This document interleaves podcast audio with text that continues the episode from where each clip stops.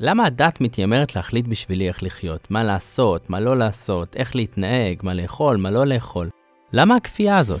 כן, אה, מנקודת מבט שלך אתה צודק, אבל שתדע לך שאתה ביקשת את המשימה הזאת. חכמינו אה, מספרים לנו שהנשמה רוצה אה, לרדת לתוך הגוף ולקיים את השליחות פה עלי אדמות.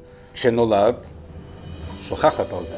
כן, אנחנו לא זוכרים שאנחנו ביקשנו להיות פה עם כל הקשיים ועם כל האתגרים, אבל אם אנחנו עכשיו יודעים שזה ככה ושבאנו לכאן כי רצינו לבוא לכאן ורק שכחנו מזה, אז זה משנה קצת את כל העניין.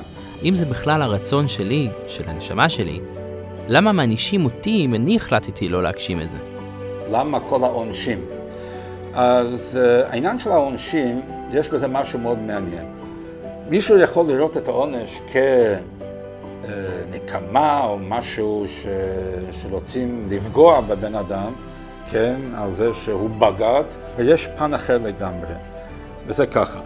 כשמישהו נמצא בפני ניסיון מסוים, אז אם יסבירו לו למה זה טוב ולמה זה רע, קשה לחשוב שהוא באמת, אה, זה יעזור לו. מה עוזר לו? פחד. כן? כמו שאמר רבי יוחנן בן זכאי לפני שנפטר מעולם הזה. אז התלמידים שלו היו שם ושאלו אותו שיגיד להם משהו. אז הוא אמר, הלוואי שיהיה לכם יראה מהקדוש ברוך הוא כמו שאתם, יש לכם יראה מבשר ודם. והלוואי שיהיה לכם. למה? כי כשמישהו עושה משהו לא בסדר, הוא אומר שאף אחד לא ידע מזה. ואם הוא יודע שמישהו יכול uh, לדעת מה הוא עושה, אז זה עוצר אותו.